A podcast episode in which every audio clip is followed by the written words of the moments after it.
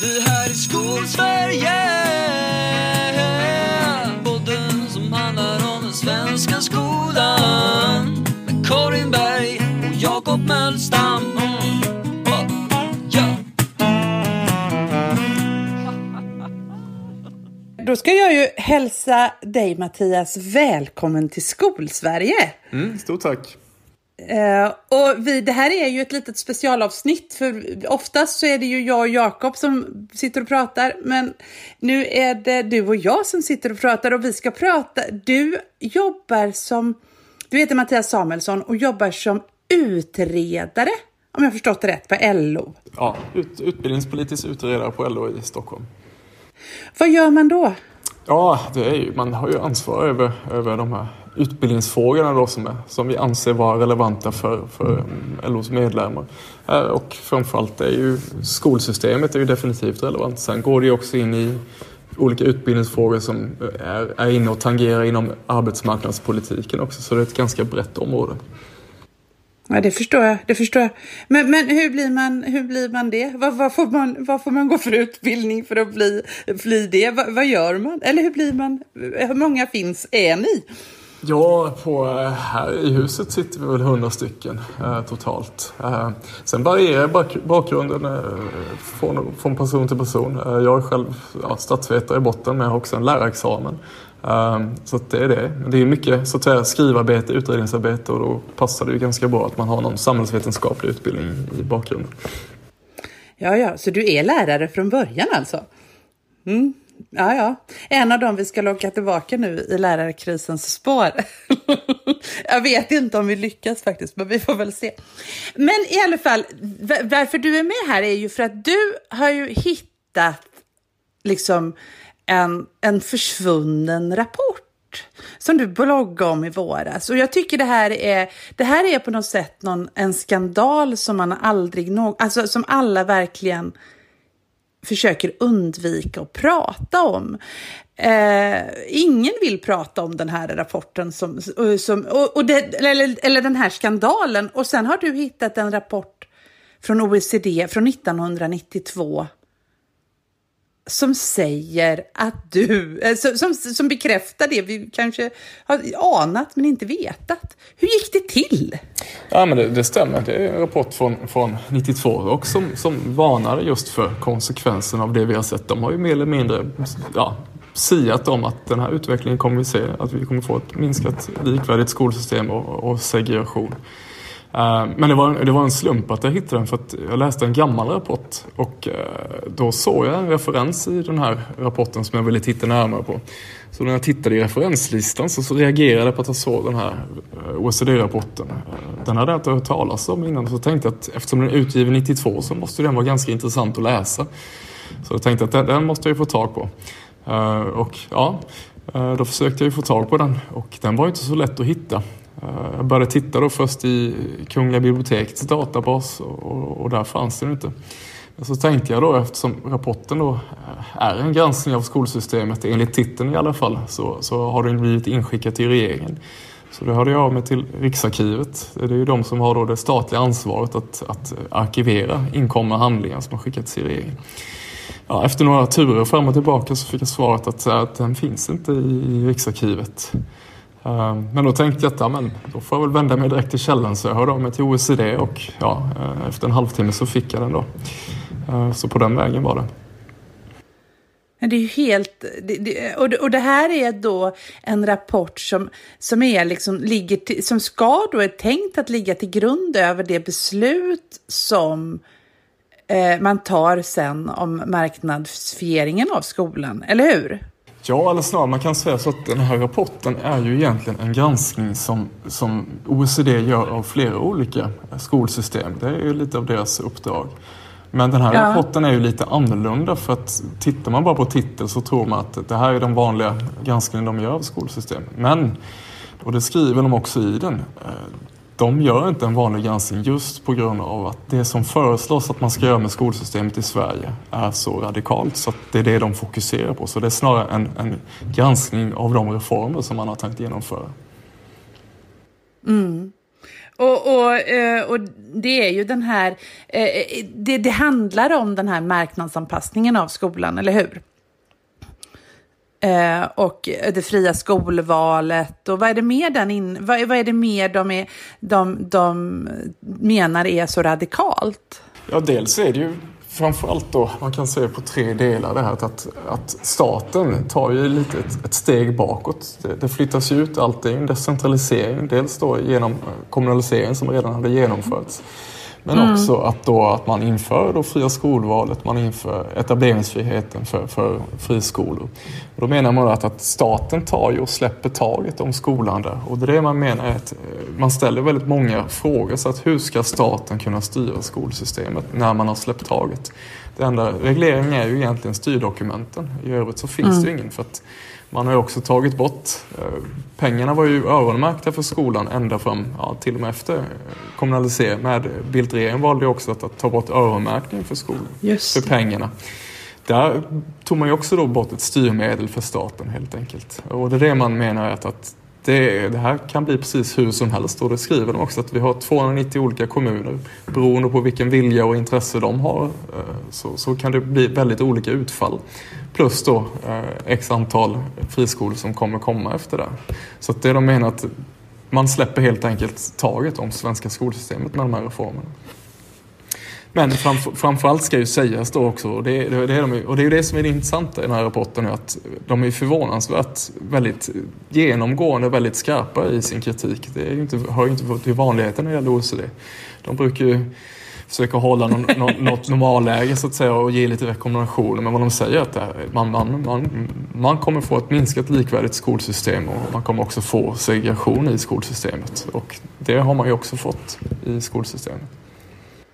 Och det säger de redan, man säger det som vi står och diskuterar nu i debatt efter debatt efter debatt om den ökade segregationen, den minskade likvärdigheten. Rapport efter rapport står, alltså jag vet inte hur många gånger jag har stått i, eh, faktiskt och diskuterat just detta.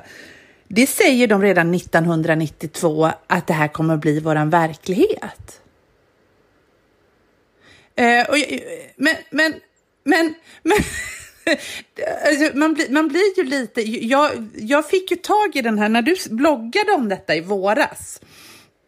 Så, så fick ju jag tag i den via den här rapporten via Kornhall, Per Kornhall, som, som sen la ut den för att alla ska kunna läsa den. Och då tänkte ju jag liksom någonstans att, att det här kommer ju ta hus i helvete. Eh, alltså på riktigt tänkte jag att nu kommer ju liksom alla de här skolmänniskorna behöva stå till svars. Nu kommer man äntligen behöva backa tänka. För att är det någonting man känner när man jobbar i skolan så är det ju just att det här är så i grunden fel med den här typen av styrning. För att det, man sysslar med saker som inte har med lärande, kunskapsutveckling att göra, utan man, man står, jag satt senast för två veckor sedan på ett möte där jag skulle lära mig att se mina elever som kunder. Eh, för att det behöver du ändå göra och då jobbar jag på en kommunal verksamhet. Eh, men, men, men det, det hände ju ingenting, eller vad blev reaktionerna när du... Vad tänkte du när du hittade rapporten? Ja, först när jag började läsa den så tänkte jag att det här är ju häpnadsväckande. Och precis ja. alltså, förundrades över att hur kan det komma sig att aldrig den här rapporten har nämnts? För debatten har ju pågått sedan 92 i praktiken. Ja. Så, så det är det jag var väldigt förvånad över. Uh, och det jag reagerade på var just att kritiken var så genomgående i, i rapporten. Eh, de, de, de, de säger ju precis som att, att system, de här olika reformerna kommer att riskera likvärdighet i skolsystemet. Eh, I praktiken så är det ju en sågning rakt av. De pekar på en mängd brister i reformen, det har inte utretts. Det hela är väldigt löst byggt. Och det finns inga tankar om heller att hur, man ska utvärdera de här nya reformerna för att man lägger ju om ett helt skolsystem. Rimligtvis bör man ju då också införa möjlighet till att utvärdera Eh, hur, hur, hur det har fallit ut. Men, men det har de inte heller lagt upp någon plan eller strategi för hur det ska göras. Och det är de också väldigt kritiska till. Då. Och jag tänkte ju då givetvis att ja, men det, här, det här är sprängstoff. Vi har OECD, en aktör som är också utomstående den här inhemska debatten. Alltså, de är ingen aktör, ingen vänster-höger-aktör det här. Utan de har skrivit en rapport som bekräftar det många har pekat på under alla de åren. Att, och de säger också det rakt ut att, eh, att man inte har gjort några utredningar, att det är ideologiskt motiverat, det skriver de också. Mm, och då mm. tänkte jag att, att det här kommer ju explodera. Um, mm. Det var förvånansvärt lite reaktioner på det hela faktiskt. Jag trodde ju att, att ja, men det här kommer ju det, jag kan ju säga att det är väldigt många som har hört av sig. Uh, Mailkorgen fylldes och det intressanta var ju att det var framförallt väldigt många lärare som kanske hade jobbat under den här perioden som de hade en hel del att säga och det kanske vi inte ska ta i podden uh, vad de sa. men ja, det var uh, väldigt många som var irriterade. Sen uh, ja, flera forskare har ju också hört av sig och ville få tag i rapporten. Sådär, va? Men i övrigt så har det varit ganska, om man tänker från politikens håll, uh, där har det nästan varit knäpptyst. Ja, men, men eh, du som då läser OECD-rapporter ganska ofta, för jag håller med dig om att det är väldigt lite i den som, som är liksom så här, jag kör, det här blir nog bra. Eh, det finns väl ingenting i rapporten. Men, men du som läser, du har ju ändå det som, som liksom någon slags uppdrag att läsa rapporterna om skol.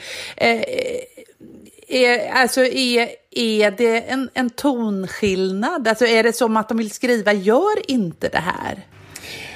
Ja, definitivt en tonskillnad. Alltså, som jag nämnde, så att normalt sett så är de ju, ja men de kan ju ställa lite frågor som oftast kanske är retoriska så, så att ja, länderna ska tänka till. Och sen kan det komma lite olika rekommendationer. Och det kommer även rekommendationer här exempelvis att man kanske inte ska införa fria skolvalet på, på full front utan man ska testa det först innan mm. man, man genomför det. Och så hänvisar man då till internationella rapporter som, som visar exempelvis att det leder till segregation. Eh, men, men, som sagt var, de, de, är ju väldigt raka i sin kommunikation. De, exempelvis när det gäller eh, skolvalet så skriver de ju rakt upp och ner att det finns ingenting av regeringens reformer som kommer riskera likvärdigt i skolsystemet som det här förslaget. Så att de kanske Nej. inte skriver rakt ut att jag genomför inte detta men man, man, det är ju tydligt att de är väldigt kritiska till detta och detta kommer också leda till vissa konsekvenser. Och det är de också tydliga med. Och det intressanta är ju också att regeringen har ju skrivit i en rapport till OECD innan den här då att man, man, man avser att man ska behålla likvärdigheten och jämlikheten i systemet. Men det som man föreslår i, i praktiken underminerar ju hela, hela det som har byggt upp likvärdigheten i systemet. Men hur tänker regeringen att de ska göra det? I del, alltså 1992, hur tänkte de att det skulle gå till? Ja, det är ju det som är OECDs kritik också för att det finns ju inget som styr upp det. Uh, och, och, även när de är här, för att när de är här i mars 92 så påpekar de detta till regeringsföreträdarna. Hur ska ni göra detta? Dels säger de att, att svenska folket kommer inte acceptera att skolsystemet är likvärdigt, att de inte kommer acceptera segregation exempelvis. Men de frågar då, vad, vad, vad ska ni göra om, om det visar sig att det blir så? Uh, då, har, då har man inga svar helt enkelt. Nej, och det har man ju fortfarande egentligen inte. Nej, precis. Eh, för att det finns ju inga svar, tänker jag. Det, det, är ju ett hopplöst system eftersom du måste då få folk att, att välja annorlunda på något sätt. Ja, precis. Det, det är ju skolvalssystemet som ska... Det är ju föräldrar och elever som ska läsa segregationen, kan man ju säga. Eh, det, ja. det funkar ju inte givetvis. Nej, det är klart att det inte gör eftersom du, och sen vet vi ju, det vet vi ju idag att, att du väljer ju snarare de du vill att dina barn ska leka med än vad du väljer efter liksom någon annan, några andra parametrar. Du, du, men det är ju väldigt svårt på ett sånt där öppet hus att avgöra undervisningskvalitet till exempel. Eh, och det är ju väldigt svårt för en lekman att göra det, eh, tänker jag. Utan du går ju på rykten och du går på ja, betyg läste jag häromdagen att man går på, unga människor går, man vill gå där betygen är ungefär jämna med sina egna och sådär. Det, det har ju inte så mycket med undervisning att göra. Men eh, för att jag blir ju sådär, har, har någon journalist hört av sig till dig efter det här? Några som direkt hörde av sig var ju Studio 1-redaktionen. Eh, de snappade ju upp mitt inlägg. Eh, det fick ju som sagt var ganska mycket spridning bland, bland folk inom skolan. Och, eh, mm. ja, det var väl, de snappade upp det och hörde av sig. Och så var jag med på, i Studio 1 sen på eftermiddagen klockan fyra. Där. Det är ju de som hört av sig direkt. Men i övrigt så har det varit ganska det har varit väldigt tyst. Sen har jag hört på annat håll att, att det har skrivits i lokalpress lite annat. Men det är oftast insändare eh, som då har skrivits mm. så det är inga journalister som har tagit av sig. Sen vet jag att den, den har nämnts exempelvis i, i, riksdagen. Anna Ekström har tagit upp den bland annat då, i debatt med, med, mm. med, med andra politiker. Men i övrigt mm. har jag inte hört någonting faktiskt. Jag skulle bli förvånad om inte Anna Ekström hade använt den faktiskt, för att det låter som en grej som hon skulle kunna göra. Men hon skulle ju kunna... Eh, men, men, men, men för att jag vet ju att jag satt ju i mitt personalrum efter sommaren då, för jag... Eh, eh, för jag, jag, när jag fick, läste ditt blogginlägg så blev jag ju sådär nästan eh, tagen på sängen och så pratade vi om det på precis eh, i podden. Jag och Jakob pratade om, ut, utgick ifrån ditt blogginlägg och gjorde ett avsnitt om det. Och sen så skrev, skrev jag också, för jag får ju skriva krönikor och sådär, så skrev jag om det eh, i en tidning som heter Skolporten. Eh, men då fick jag sitta på mitt jobb för att det var ingen som trodde att det här var sant. Allvarligt? Ja, alltså, men, men det här låter ju som en skröna. Finns den här OCD-rapporten på riktigt? Eh, ja, men det är ju det, för det här visste vi ju, men hur, hur, varför gjorde de det då? Eh, så jag fick ju liksom ta fram och visa, här är rapporten, den, den finns där. Och det, eh, för att man, man, det är så osannolikt att man vågade äventyra skolan på det sättet utifrån en ideologisk synpunkt, att, att jag tror folk har svårt att tro det. Vad tänker du på det? Ja, det, det, det är precis för att det, det är ju det, genomförandet är ju väldigt, det är ju kuppartat i praktiken och framförallt så är det ju definitivt inte, om man nu ska säga så, statsmannamässigt. Menar, som, som OECD skriver i den här rapporten också, de hänvisar ju till tidigare reformer Sverige gjort inom skolans område. Att man har haft långtidsutredningar och man har inkluderat de som ska svara för implementeringen, lärarkåren och, och forskare. Så här.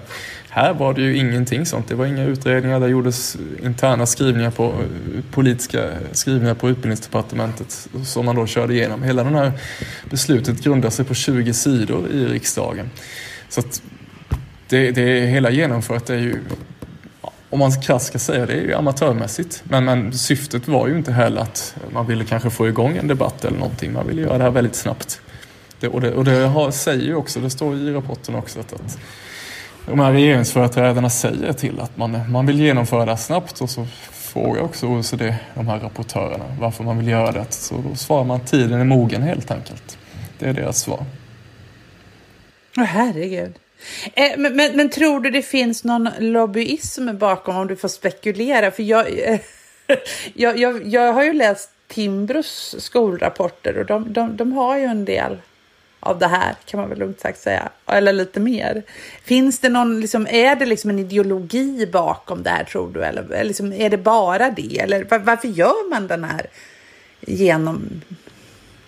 Ja, men eh, om, om det är Timbro eller inte som ligger bakom eh, vet jag inte, men, men klart är det ju att det är ideologiskt och det skriver ju också OECD-rapporten. Det, det är ideologiskt motiverat. Och det mm. går ju bara att titta på också. Det har ju Sten Svensson skrivit en rapport exempelvis. Det här hade man ju redan sagt tidigare att man skulle göra.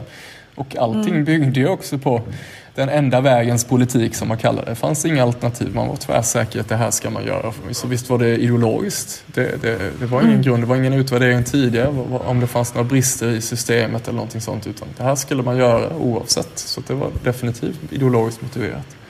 Man skulle lägga om systemet helt enkelt. Ja, ja, men samtidigt så är ju skolan ideologisk egentligen, om man säger, jag tänker, för det, det, var ju, det är ju ändå så här att skolan är ju någonstans ideologiskt och politiskt styrd. Det är ju nämligen genom eller det är ju genom skolan som man kan forma ett samhälle. Det ser man ju liksom på Kina som inte har samhällskunskap på schemat till exempel. Eller, eller att vi, alltså att man har ju gjort olika, alltså läsrörelsen tänker jag i början på, på, på seklet, det är väl också en slags ideologi eller när vi vill ha folkskola och sådär. Vad är det som skiljer den här reformen mot tidigare politiska reformer som vi ändå har gjort i skolan, tänker du? Spontant om man ska hålla det kort är ju egentligen att, att här så kan man ju säga att så avsäger man ju också att skolan är ett samhällsintresse. Eh, det är inte staten som ska styra över skolan utan det är, det är marknaden som ska styra över skolan. Och om marknaden ska styra över skolan så får ju resultatet egentligen bli lite vad det blir. För marknaden är ju, följer ju marknadslogiken helt enkelt. Men om man har, har en, ett, och det går ju inte att sticka under stol med att, att oavsett vad man tycker i frågan så är ju skolan ett samhällsintresse. Men mm.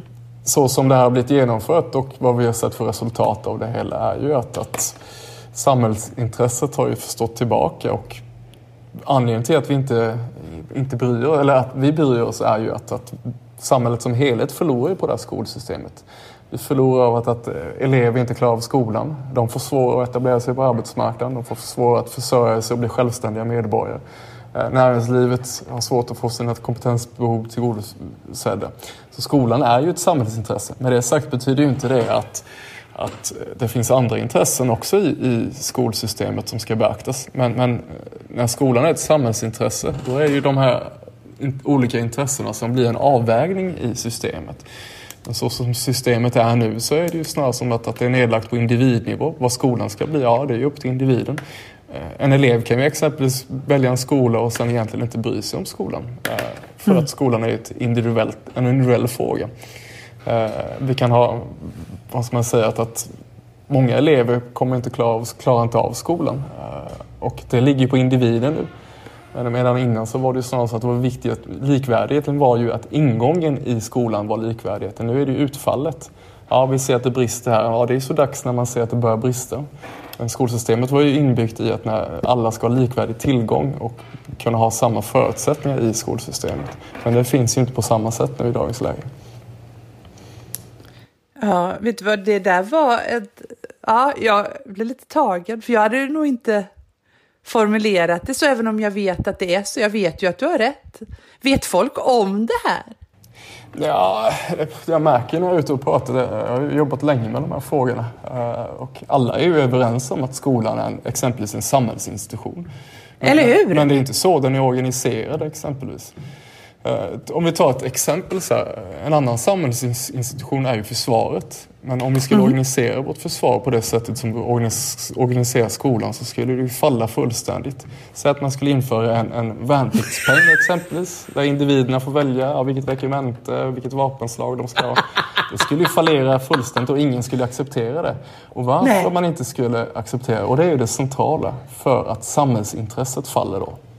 För att vi har ett ja, intresse av att hela vårt försvar fungerar på alla de olika delar som finns. Och det har vi även i skolan. Men nu är det ju som så att, att staten har ju inte lika stora möjligheter att, att, hantera skolsystemet för att man inte kan styra det på samma sätt som man kunde göra förr i tiden. Och det är där det faller då helt enkelt. Och det sa ju också OECD i sin rapport från 2015 när de ställde den retoriska frågan. Vem styr över svenska skolan? För det, är det, det, är de, det de ser i systemet är ju att staten inte kan styra över skolan när det brister. Nej, det är klart att det, och det vet man ju, men man har ju inte... Eller jag har nog inte riktigt omfamnat det på det sättet. Förstår du vad jag menar? Alltså jag har ju tänkt att det är klart att, att det är svårt att styra när det blir marknadsintressen och det blir fel fokus på... Alltså vi, vi fokuserar på fel saker och man, man pratar om andra saker, men men det är ju precis, vi tror någonstans och vi agerar någonstans som om skolan är möjlig att styra som ett samhällsintresse. Jag tror att varenda debatt eller varenda skoldiskussion som förs så tror jag ju faktiskt att den i grunden utgår ifrån att skolan är som den var förr på det mm, sättet. Mm, ja, det Man utgår inte ifrån att det är en marknad. Mm, ja, men det, Eller? Är, det är nog många som säkerligen tror det. Men, men statens roll över styr, styr över skolan är ju så att säga ganska mycket avskuren. Och, och en väg man har börjat hantera det på är ju alla de här olika statsbidragen. Det är ju ett sätt mm. att styra över skolan. De är öronmärkta för, för kommuner och friskolor. Mm. De får bara mm. användas till det. Det är ett sätt att exempelvis komma åt ja, men lik, bristande likvärdighet. Men, men, problemet är att det är det enda man kan göra så, för att det finns inget annat. Och det är ett sätt att visa att nu agerar vi. Eh, men, men det är ett, ett lappande och lagande i systemet. Men, men hur skulle man, hur, alltså finns det enligt dig, alltså enligt OECD redan 1992 så säger de det här kommer inte att funka. Och det ser vi ju nu att det är ju liksom ett lappande och lagande, det är ju väldigt dyrt, alltså vi har ju en väldigt dyr skola tänker jag, eh, för att marknaden, eh, alltså den blir ju dyr, det är ju en dyr skol, att, att kompensera för människors eh, olik, alltså, olika villkor i efterhand på något sätt blir ju, det, det är ju mycket dyrare än att liksom ha en, ha en ingång på ett annat sätt, om du förstår vad jag menar med likvärdig. Äh, äh, men finns, är det ens möjligt att lösa det här eller med den situationen, alltså med en marknad, en skolmarknad? Först kan man ju säga att, att svensk skola är väl relativt billig jämfört eh, internationellt sett inom OECD. Eh, vi tror gärna att, att svensk skola är ganska dyr men internationellt sett så är den inte så jättedyr. Eh, men det kan låta så ibland. Men visst, det ligger ju en poäng i det att, att elever som inte klarar skolan, de blir ju en kostnad för samhället om vi nu bara ska fokusera på kostnader.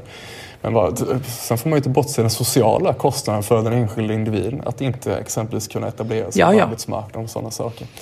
Men, men också det här också att, i varje 290 kommuner så läggs det ju ganska stora summor totalt på att hantera skolan. Mm. Uh, och då blir det kanske utifrån varje kommuns förutsättningar. Och det är mm. kanske inte det optimala systemet om man då ser att skolan är en nationell angelägenhet, vilket jag är ganska övertygad om att alla tycker. Uh, så att, och sen samtidigt har vi då olika aktörer inom systemet som kanske inte primärt är just för att vara en del av en samhällsinstitution och leverera goda resultat utan det finns andra syften som man är där för. Eh, det är ju bara att titta i, runt om i världen. Det är ju ingen annan som har det här systemet. Det räcker att gå till de nordiska grannländerna exempelvis. Man får inte man får inte starta olika typer av program om det inte finns ett reellt behov, om vi tar och pratar om yrkesutbildning, utan det ska finnas ett arbetsmarknadsbehov. Men här är det snarare tvärtom elevernas intresse som styr utbudet och det är ju frågan om det ska vara så helt enkelt. Utan det, där måste ju styras upp och eh, där kanske det staten bör ta en större roll. Eh, framförallt då ett finansiellt större ansvar. Det är det, det som mm. behöver göras till att börja med. Ja, tror du att det, det, finns en... För jag, jag är ju i, i själ och hjärta så besviken över att det här inte är det vi diskuterar just nu. Istället så sitter vi och diskuterar om olika metoder som det här. Vad pratar vi om denna veckan? Pratar vi om eh, lågaffektivt bemötande i alla, i alla former. Och det får vara med. Jag tror det har varit med i fyra tv-program den här veckan. Mm. Eh, eller fem. Uh, och det är dessutom uh, ofta ganska mycket samma personer som, som valsar runt i de där programmen. Uh, alltså, finns, och, och det är ju en ganska tämligen liten fråga, det är ju inte en stor samhällelig fråga. Det här är ju en, en, en så genuint viktig fråga. Mm.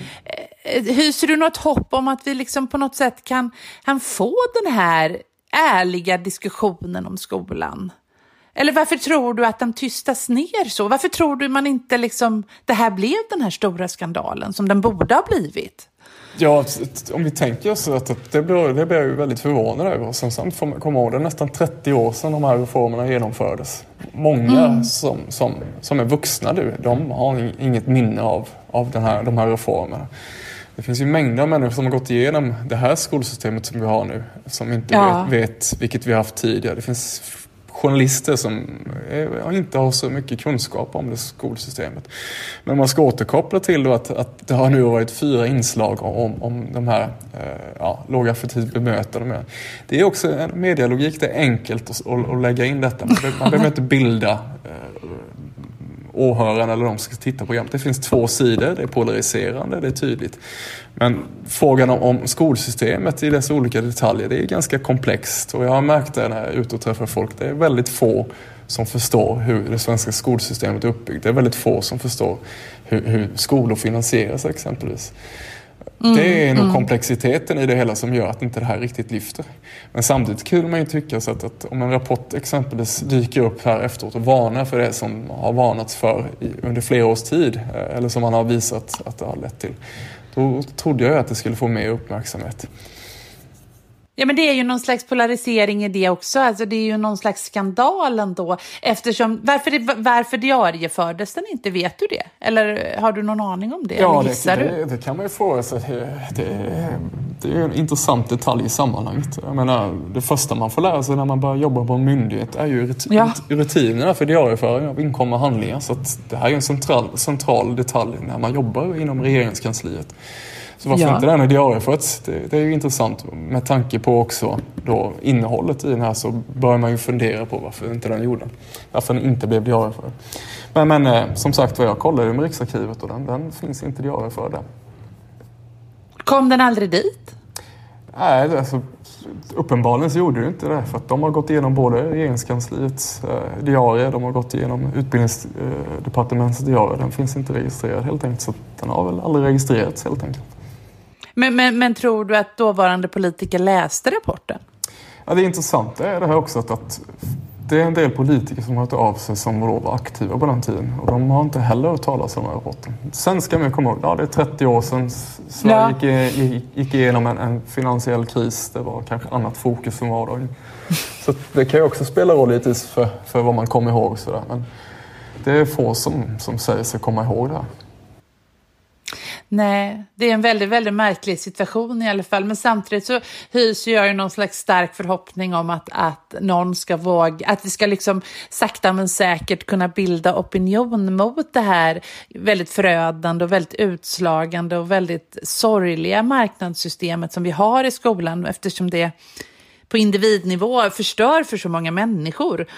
Eh, men, men eh, så att jag, jag, jag hoppas ju, jag tycker ändå mig se att eh, liksom, politiker vågar ta den här diskussionen mer nu än vad man vågade förr. Har jag rätt i det eller är det bara en slags förhoppning?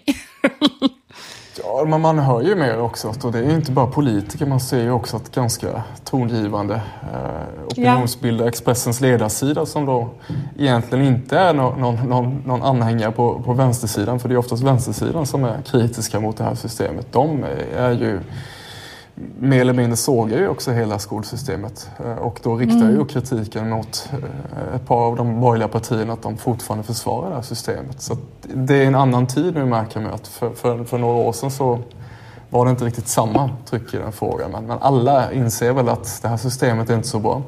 Det- Att någonting måste göras. Sen samtidigt så pågår det ju en del utredningar nu som tar grepp om den här frågan. Och det kan ju bli intressant att se vad de kommer fram till i sina förslag och vad det leder till för, för debatt. Det, det kommer bli väldigt intressant. Ja, eller hur? Jag, jag hoppas ändå på det. Att det ska, för att jag, jag tror att det... Alltså vi har mycket olika, men, men just att vi faktiskt vågar ta den här frågan och göra det här stålbadet som behövs så att eh, var och en av oss som är föräldrar också släpper taget i vårt fria val. För det tror jag ju också är en, en, en svår stötesten. Ja, Eh. precis. Och eh, man märker ju lite när man pratar med folk så att, att i grund och botten så vet ju alla att det är fel. Det är, Jag har hört mängder av människor, föräldrar som inte, inte gillar det här systemet. Men som, som säger då att vi vill inte sitta med Svarte Petter, kan man säga, i det här systemet. Vi vill inte så att säga bli förlorade. Och, och det låter ju lite som att, att det är ett nollsummespel det här. Att, att om vi inte har det här systemet så riskerar en hel del bli förlorare. Men det, det finns ju inget som tyder på det. Att, att, att individer eller elever och föräldrar ska ha möjlighet att önska skola, det tycker, ju- tycker ju alla. Men, men det kanske inte ska vara så fritt på det sättet och att det bör styras upp mer också så att det kanske blir en mer jämlika fördelning utifrån socioekonomisk bakgrund i skolan. Så att det är viktigt att man är, är nyanserad i när man diskuterar den här frågan. Att, att vi lever i en annan tid nu. Medborgarna bör ha lite mer inflytande men vi måste komma ihåg att skolan är ett samhällsintresse. Och då kan inte det vara enbart individintresset som styr. Eller hur? Det, och det, det har du lärt mig idag. Jag ska säga det jätteofta. Att det är ett samhällsintresse. På det sättet ska jag säga det. det, det är jätte, jag älskar den här podden av det anledningen att jag får lära mig så mycket. Eh, för, det, för jag har inte uttryckt mig så. Och det är ju precis... Jag har uttryckt mig lite annorlunda men det blev så tydligt när du sa, sa det på det sättet. Eh, för att det är ju klart, och liknelsen med försvaret, är ju, den blir ju skrattretande men den är ju, det är ju precis så det är. Ja, precis. Och jag läste en intressant artikel från uh, Anna-Lena Laurén. Hon är journalist. I, hon är uppvuxen i Finland och är utrikeskorrespondent för, i Moskva för Dagens Nyheter och Huvudstadsbladet. Hon skrev mm. en ganska intressant text för Den kom förra året, men jag läste den nu igen.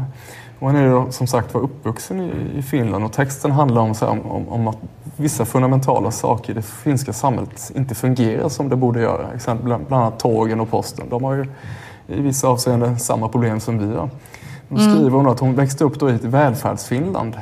Och hon menar att det var inte på, på alla sätt perfekt. Men det hade som utgångspunkt att det var viktigt att, att samhälleliga lösningar verkligen fungerade. Att, att det tjänade någon viss reformplan. Mm. Och, och tittar man då med det här som genomfördes på 90-talet så, så var inte utgångspunkten vi har vissa mål med utbildningen. Hur uppnår vi, hur riggar vi systemet så att vi uppnår det bäst? Utan utgångspunkten var ju att det här ska vi göra oavsett vad, vad utfallet blir. Och det, mm. det bör inte vara så att säga så man sitter vid ritbordet. Utan vad, vad, är, vad är vårt samhällsintresse? Det finns flera olika intressen som måste värnas. Hur bygger vi in det i systemet så att vi får det bästa utfallet för alla och för samhället mm. som helhet? Det bör ju rimligtvis vara utgångspunkten. Ja, det, det, det borde det. Och det, det tycker jag vi skickar iväg till alla de här som sitter och bestämmer att nu får ni göra om och göra rätt och läsa rapporten från eh, 20, 1992. Vi får skicka den till dem, tycker jag. Så den diarieförs. Det vore ju roligt. Om jag skickar den till dem diarieförs den då? Eller hur? För jag... För så gör jag det på mitt jobb. ja, precis.